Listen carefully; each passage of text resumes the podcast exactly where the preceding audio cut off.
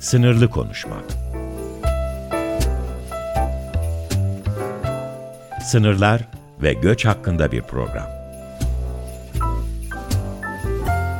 Hazırlayan ve sunan Hakan Ünay.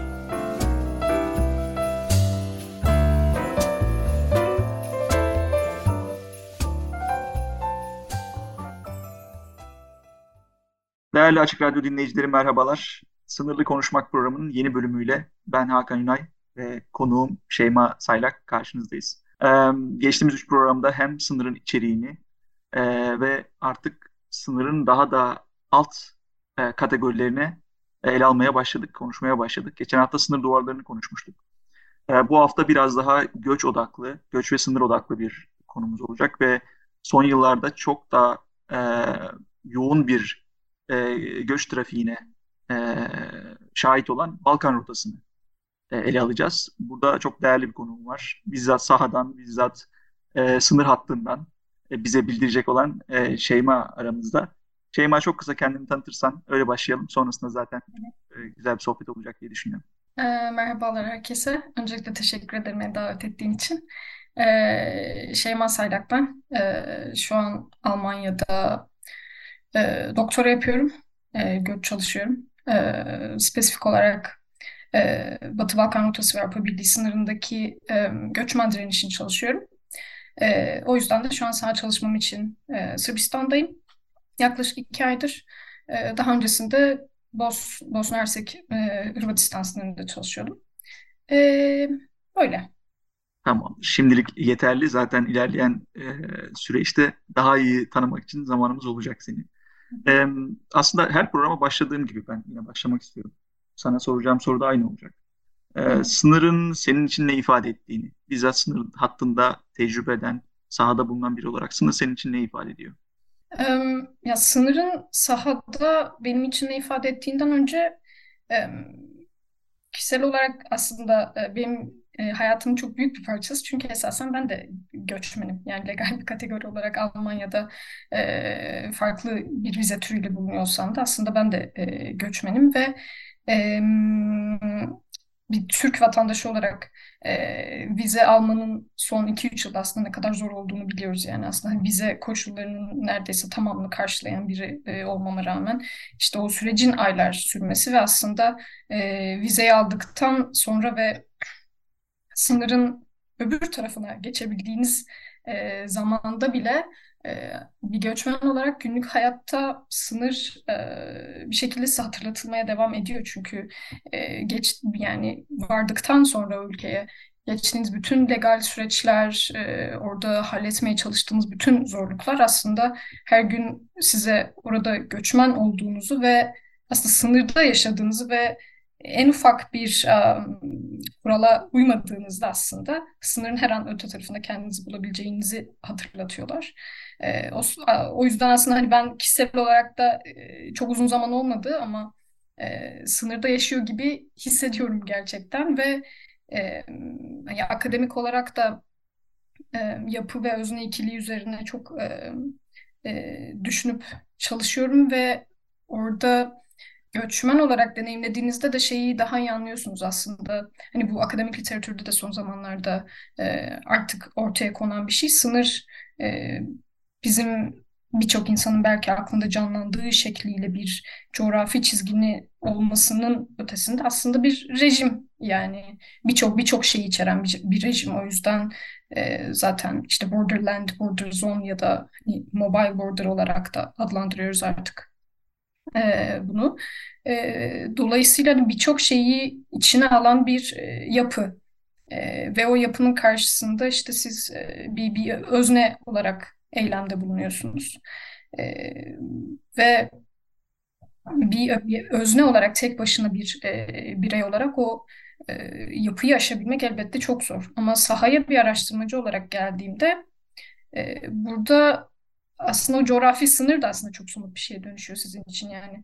E, işte hani hard border diyeyim yani onu görebilmek işte. Bazen bir kilometre öteden görebiliyorsunuz bazen işte görüş mesafenizde. Her gün o sınırla ilgili hikayeler dinliyorsunuz o sınırdaki şiddetle ilgili. E, ama yine hani bu yapı özne geldiğimde ve e, diyelim ki o sınırdaki duvar, tel örgü, e, sınırdaki polis kontrolü e, analoji olarak da aslında hani kurduğumuzda diyelim ki bir e, yapı aşılması gereken bir e, yapı ve e, bir sürü e, öznellikler var. E, işte göçmenler var, aktivistler var vesaire. E, ve aslında e, bireysel olarak olmasa bile belki e, birey, farklı bireylerden oluşan, farklı özelliklerden oluşan kolektif e, hareketlerin o yapıda, o duvarda bir delik açabildiğini görmek ve aslında e, belki son kertede yine e, o, o sınır geçtikten e, sonra e, o sınırdan kurtulabilmek yine de belki son kertede mümkün müdür, değil midir? Bu başka bir tartışma ama e, yine de o sınırı ve o duvarı yıpratabiliyor olmak, o mücadeleye şahit olmak e, benim için çok e, kişisel olarak da çok ilham verici bir şeydi. E, o yüzden aslında çok uzattım ama hani çok kısaca sınır Yo. benim için bir mücadele ve umut demek yani. Ben senin bıraktığın yerden devam edeyim. Yani duvarda delik açmak. Aslında biz sınır araştırmacıları veya göç ve sınırın bir şekilde içinde bulunan insanlar, onu tecrübe eden insanlar genelde umutsuz yaklaşıyoruz e, durumlara ve maalesef aslında tecrübe ettiğimiz, gözlemlediğimiz şeyler de buna sebep oluyor. Ama e, olumlu başlangıç bu da beni e, mutlu etti. Yani en azından duvarda bir delik açabilecek e, izlerime sahip olman, o yaklaşıma sahip olman mutlu etti. Çünkü açık konuşmak gerekirse bende o e, umut yok. E, sahada gördüğüm kadarıyla. Ama senin hem deneyimlerin hem de belki de e, işi başka açıdan kavrayışın. Yani bir bunu göçmen e, göçmenlerin maruz kaldığı e, sorunlar özelinde değil de belki bir mücadele, senin de bahsettiğin mücadele özelinde ele alman belki farklı bir ışık tutacak. E, buraya zaten yavaş yavaş geleceğiz. E, ama bu hafta, bu bölümde konuşacağımız asıl şey Balkan rotası. E, sen Hı hı. Sırbistan'dasın ve e, gerçekten de hani e, seninle 2-3 yıldır tanışıyoruz ama son e, yaklaşık 4-5 aydır çok kıskandığımı söylemem lazım. Bunu da daha önce de söyledim sana. E, yani o, o rotada bir e, aktör olabilmek. Yani o işte senin bahsettiğin şekli mücadelenin içinde yer, yer alabilmek veya sınır hattında herhangi bir aktif rol alabilmek bence çok değerli dışarıdan. E, çok genel olacak ama ne, senin genel gözlemini merak ediyorum. Balkan rotasına dair ne gördün, neler yaşanıyor? E, sözü sana bırakayım burada.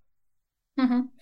Em, yani belki insanlar hala hatırlıyordur az çok uzun zaman olmadı. 2015'te Balkan rotası çok aktif olarak kullanılmıştı. Aslında her zaman çok aktif olarak kullanılan bir rota ama 2015'te uzun göç yazında sayılar epeyce yüksekti ve hani zaten sonrasında bu e, kitleler çok e, tırnak içinde baş edilemez olduğu için ve çok e, görünür olduğu için bir süre sonra rotayı işte Avusturya ve Almanya e, resmi bir e, rota ve hani daha güvenli bir rota haline getirmek zorunda kaldılar.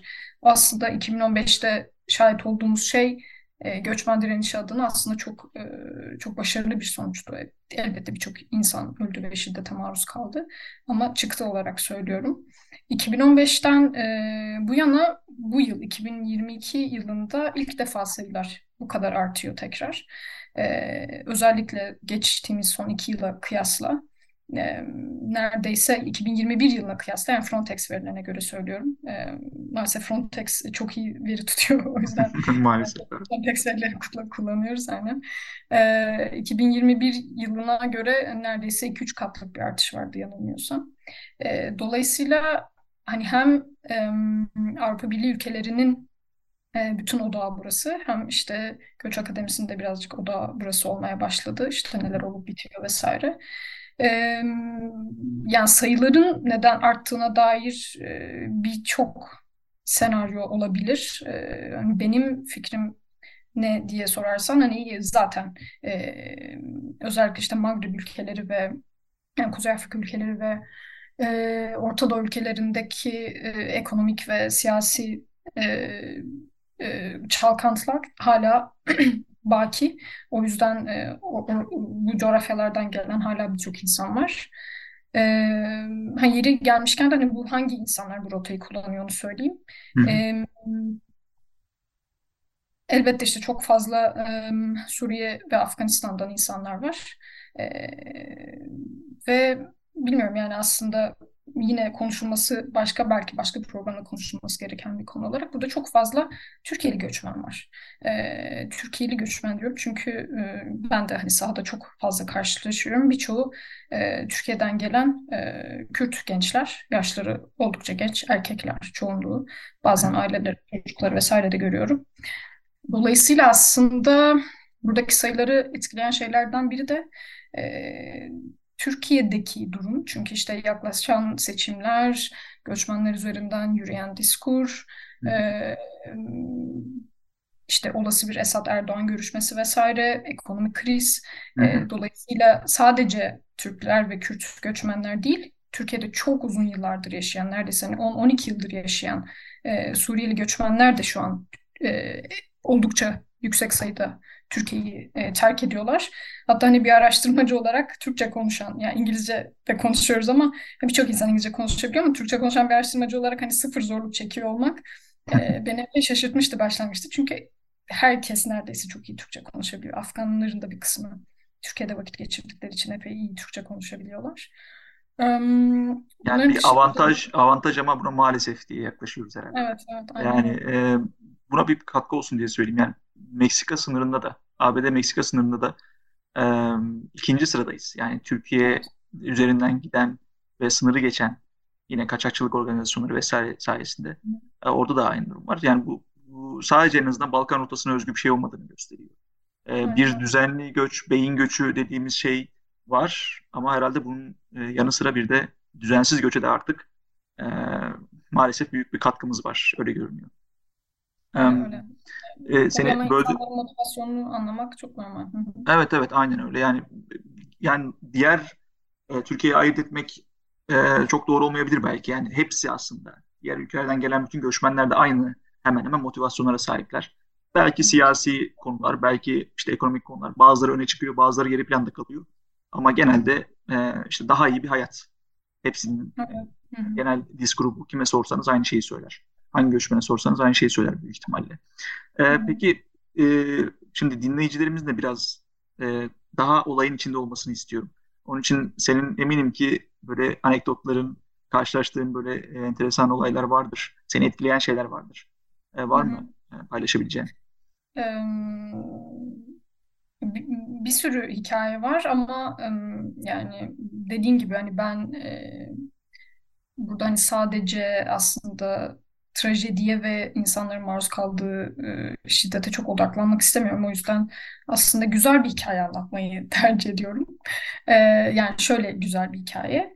E, Sırbistan, önce onu söyleyeyim. Yani Sırbistan'ın üç e, ülkeye sınır var e, Avrupa Birliği'nden. İşte Romanya, Macaristan ve e, Hırvatistan. E, Birçok insan şey olmasına rağmen Macaristan sınırında tel örgüler olmasına rağmen Macaristan sınırında kullanmayı tercih ediyorlar. Çünkü e, hani bazı açılardan daha kolay şimdi çok konuyu uzatmayayım. Bazı insanlar da Romanya sınırından geçmeyi deniyorlar ama hani onların sayısı daha az. E, Romanya sınırından geçen e, insanların yani sınırı geçmek için bir kaçakçı ihtiyaçları yok. O yüzden e, daha ucuz geçmesi diyeyim. e, Filistinli bir öğretmenle tanışmıştım e, Romanya sınırından geçmeye çalışan. E, bir yani o da en az 3-4 kez pushback edildi. E, geri itildi. E, ve hani bunların hepsi e, maalesef e, şiddet içeriyordu. E, ama böyle politik bilinci de çok e, yüksek ve aslında haklarını bilen e, biriydi ve e, Romanya sınırında e, bütün o sınırdan geçmeye çalışan insanların tanıdığı çok ünlü bir polis e, vardı, bir sınır polisi. Yani hani elimizde çok detaylı bir e, ta, tanımı var aslında şey polisin işte hani kilosuna kadar biliyoruz ismini falan bile biliyoruz işte dövmelerini vesaire biliyoruz çünkü sürekli bu adamı görüyorlar ve hani e, bu adam sürekli yani bu polis sürekli insanları bir şekilde işte e, görünmez bir yere çekip sınırda işte paralarını alan ve döven aslında hani bunu bir e, şey haline kar kapısı haline getirmiş belli ki işte epey e, epeyce e, para çaldığını düşünürsek her bir insandan.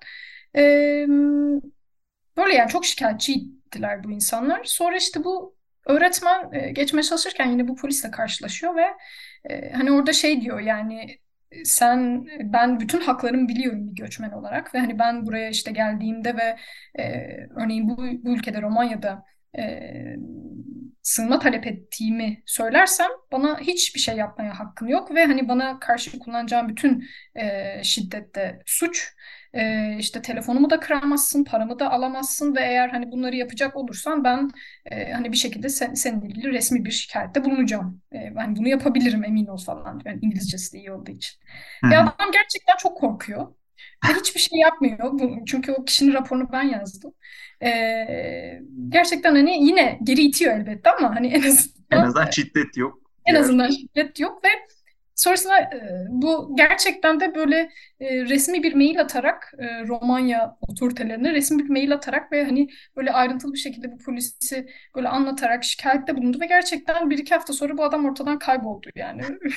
ve hani epey mutlu insanlar biz de mutluyuz. Aha, şu çok güzel bir hikayeymiş. Yani e, yani şey ya bilinçlenmek veya bilinçli olmak ayrı bir konu. Bunu bizzat bir işte sınır hattındaki o devletin temsil ettiği bir otoriteye polisi bir otorite simgesi olarak sayarsak ona karşı kullanmak ve aktif olarak orada yer almak e, müthiş bir hikayeymiş. Yani çok ilham verici. E, benim en azından mücadele mi deriz bilmiyorum ama benim vurgu yaptığım sağ araştırmalarında gördüğüm şey kararlılık. Yani göçmenler zaten biliyoruz ki işte daha iyi bir hayat için e, her şeyi göze alıyorlar. Ölümü daha iyi göze alıyorlar.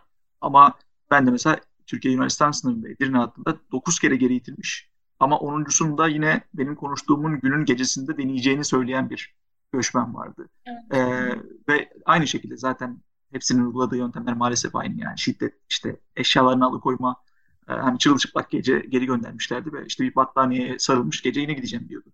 E, dolayısıyla o kararlılığın senin anlattığın hikayeyle bağdaştırabilirsem mücadeleye dönüştüğünü görmek. En azından bir örnekte belki daha fazla örnekte ve bunu görmek çok güzel. E, galiba senin hani o ortaya koyduğun fikir o anlamda çok değerli. Yani sadece göçmenlerin hak ihlaline uğradığı bir e, aciziyet durumu, bir zulme uğradığı durumundan ziyade bir göçmenin mücadelesinden de bahsetmek. Artık daha fazla dile getirmek en azından önemli. Veya e, sahra aşamasında veya sokakta fark etmez bir göçmenle e, iletişim kurarken bunu hep akılda tutmak gerekli. Yani o, o psikolojide olduğunu bilmek gerekli diye düşünüyorum. Hı hı. E, sen aslında mücadeleden yola çıkarak senin vurgu yapmak istediğin bir şey var biliyorum. E, bir direniş e, aslında göçmen direnişine de herhalde.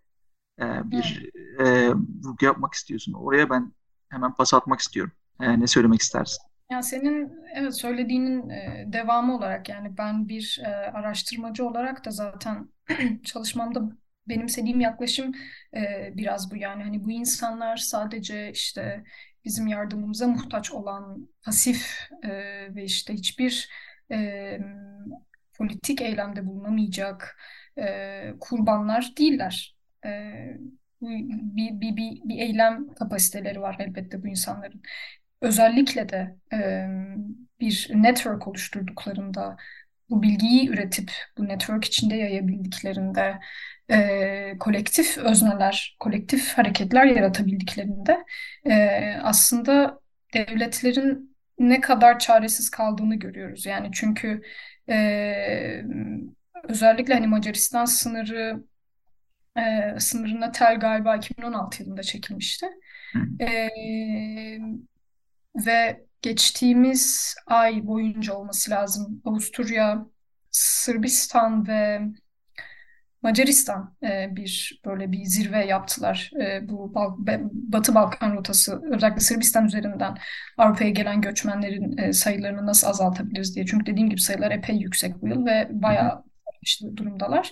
E, ve işte hani böyle bir e, joint action plan imza imzalamaya çalıştılar ve işte hani Viktor Orban e, yine hmm, hani kısacası işte bu tel yetmiyor işte şöyle bir öreceğiz. Hani böyle işte görecekler bu sınırı asla geçemeyeceklerini vesaire. Göçü hani e, yavaşlatmak değil durdurmamız lazım falan gibi bir açıklamalar yaptı. E, ama aslında daha önce de konuştuğumuz gibi yani biliyoruz ki hani aslında sınırların yani ben en azından o, bu görüşe katılıyorum akademideki. Yani sınırların gerçek amacı aslında bu insanları durdurmak değil. Bence devletler de zaten bir realite olarak bunun e, çok mümkün olmadığının farkındalar.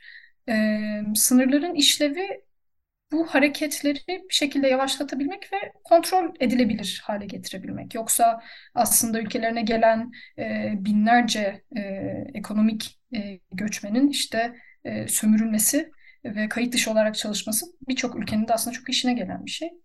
E, göçmen direnişine geldiğimizde de e, bu Joint Action Plan'den sonra bir, bir, bir iki hafta insanlar gerçekten çok sıkıştılar. Çünkü çok e, çok arttırdılar sınırdaki e, birlikleri. E, ve hani böyle bir e, nasıl denir? Gerçekten böyle çok olumsuz bir hava da vardı bir süre içlerinde. Hani geçemeyeceğiz hani burada sıkışıp kaldık gibi.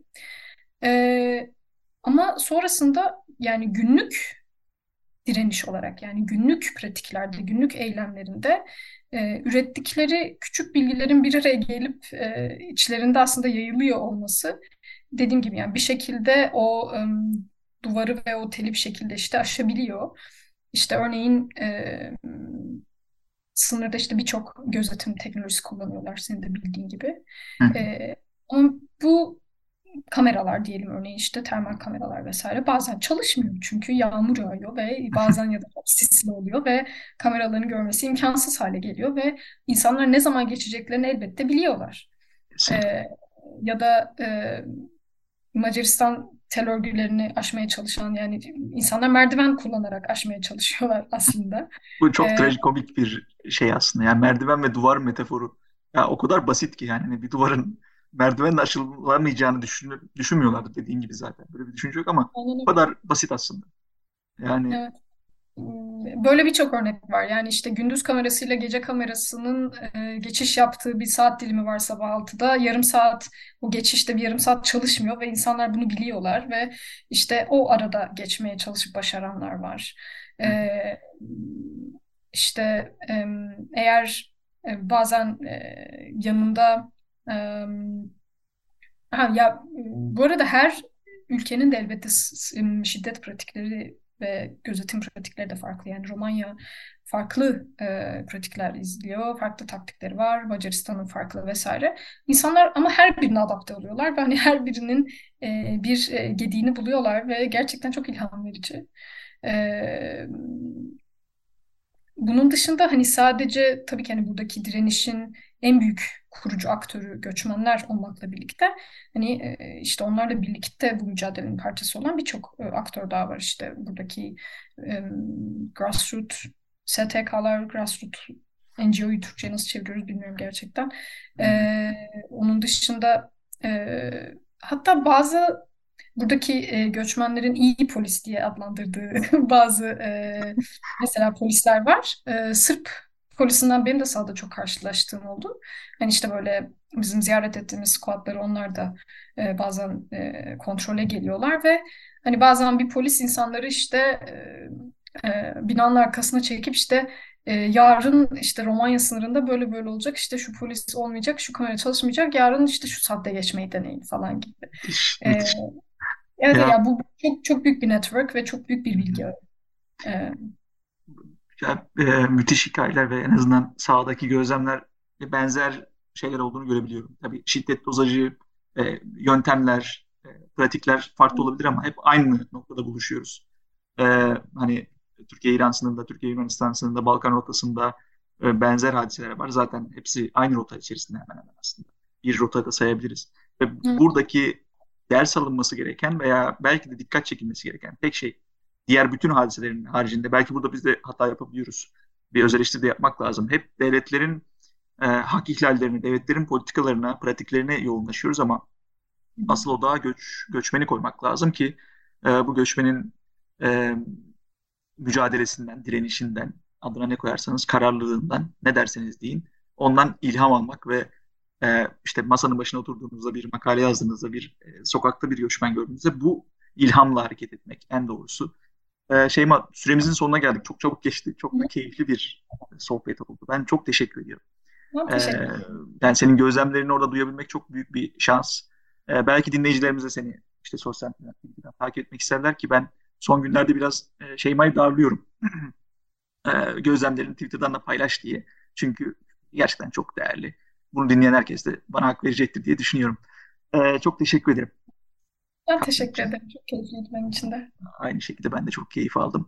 Değerli dinleyiciler, süremizin sonuna geldik. Ee, biraz çok hızlı geçtiği için e, çok çabuk bitti. Ee, ama bir sonraki hafta yine aynı günde e, yeni bölümde karşınızda olmak üzere. E, görüşmek üzere. Hoşçakalın.